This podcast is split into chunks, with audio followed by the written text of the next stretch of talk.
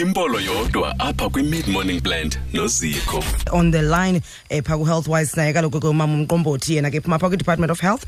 And this month eh, sithetha kaloku ke nge-breast cancer. Sancokola naye ke khe simbuze nje some of the questions esinazo eh, malunga ke ne-breast cancer le. Zixi nophilile ku-healthwise on mid morning blend. Mama umqombothi sekwamkele nkqubeni ndiyabulisa nam.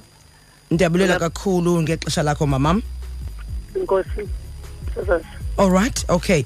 Okokuqala nje eh ingaba mhlambi ungakusichazele ngomhlaza webele uba ke uyinto enjani futhi ke ubangelwa yintoni? Enkosi sasazi nabaphulaphuli bethu f m umhlaza lo webele zii-cells eziye zibe abnormal apha kwibele lomntu.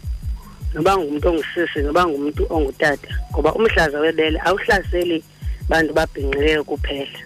Nabantu abangootata uyabahlasela ziba khona ke ii-cells eziye zikhule apha ebeleni ba- lakho eziye zenze am- a- amadlala okanye amaqhuma aye ajike ethubeni enze umhlaza webele umhlaza webele ke indlela ke othi uzibonakalise ngawo mm. uku- yinto yokokuba amabele akho njengoba ungumntu ubhinqileyo umthetho akalingani kodwa xa ep- ephantsi kohlaseko lomhlaza webele Mm.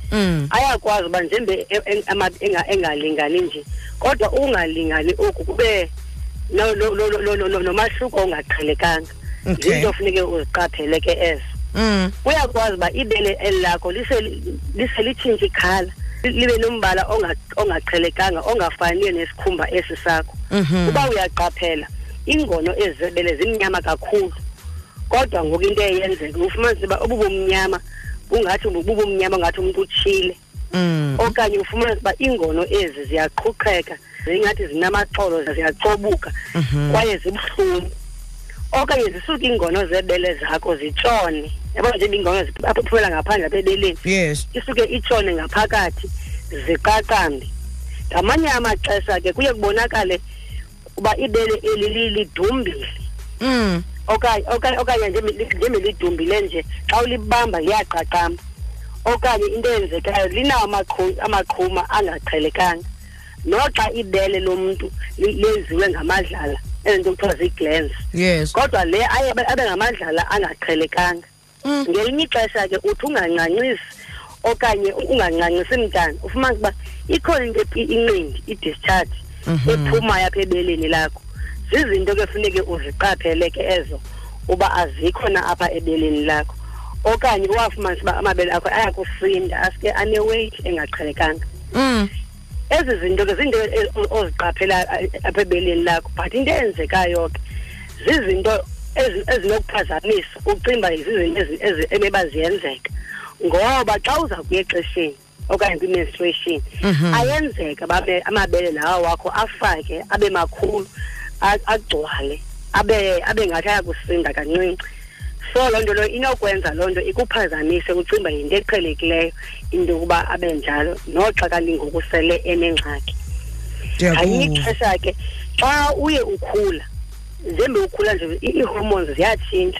Mm. ngoku once uyeke uya exesheni ziye i- i- iinyama ezi zamabele nezaglen zibe zibe lushixa ziqine. Mm. so ezo zinto zenzeke ngoku ube ube ngathi ube, ube ucimba yinto eqhelekileyo into yoba zibe lushixa ziqine zenze amaqhunyana kanti zenziwe mhlawumbi ngokuba u- uye sowuyeki uye exesheni ii-hormones zingasahambi ngoleka ngalaa ndlela bezihamba ngawo Mm. so into eba- into ebalulekileyo ke ngoku funeke amabele wakho uwahlole Mm. ngokwakho inyanga nenyanga sikhuthaza into yoba amabele makahlolwe inyanga nenyanga okay. And olu hlolo uzawulenza ngokwakho. Funeka uqiniseke ulenza xa sele uyile exesheni. Ngoba pha- phambili mabe ndithe xa uzawuya exesheni ngenxa yee-hormones amabele akho ayafaka agcwale abe Yes. makhulu. So akufunekanga uyenze ngelo xesha enze loo nto amabele akho. Mm. funeka uye exesheni ugqibe. Then xa sowugqibile ngokuya exesheni uwahlole ngokwakho amabele akho. Okay mama mqombothi masiyibambe apha namhlanje mamam and then sizokwazi into okokubana siqhubeleke ngomso. Ulungile ke sesinkosi nkosi nkosi kakhulu thank you so much. Alright ya ngumama umqombothi ke lona besithetha ke ngalo mcimbi wayo kaloku i-breast cancer. Find us online. Stream live on truefm.co.za. Uphinde usimamela kwi-DStv channel 816. True FM ifumaneka kulo lonke eli like no one else.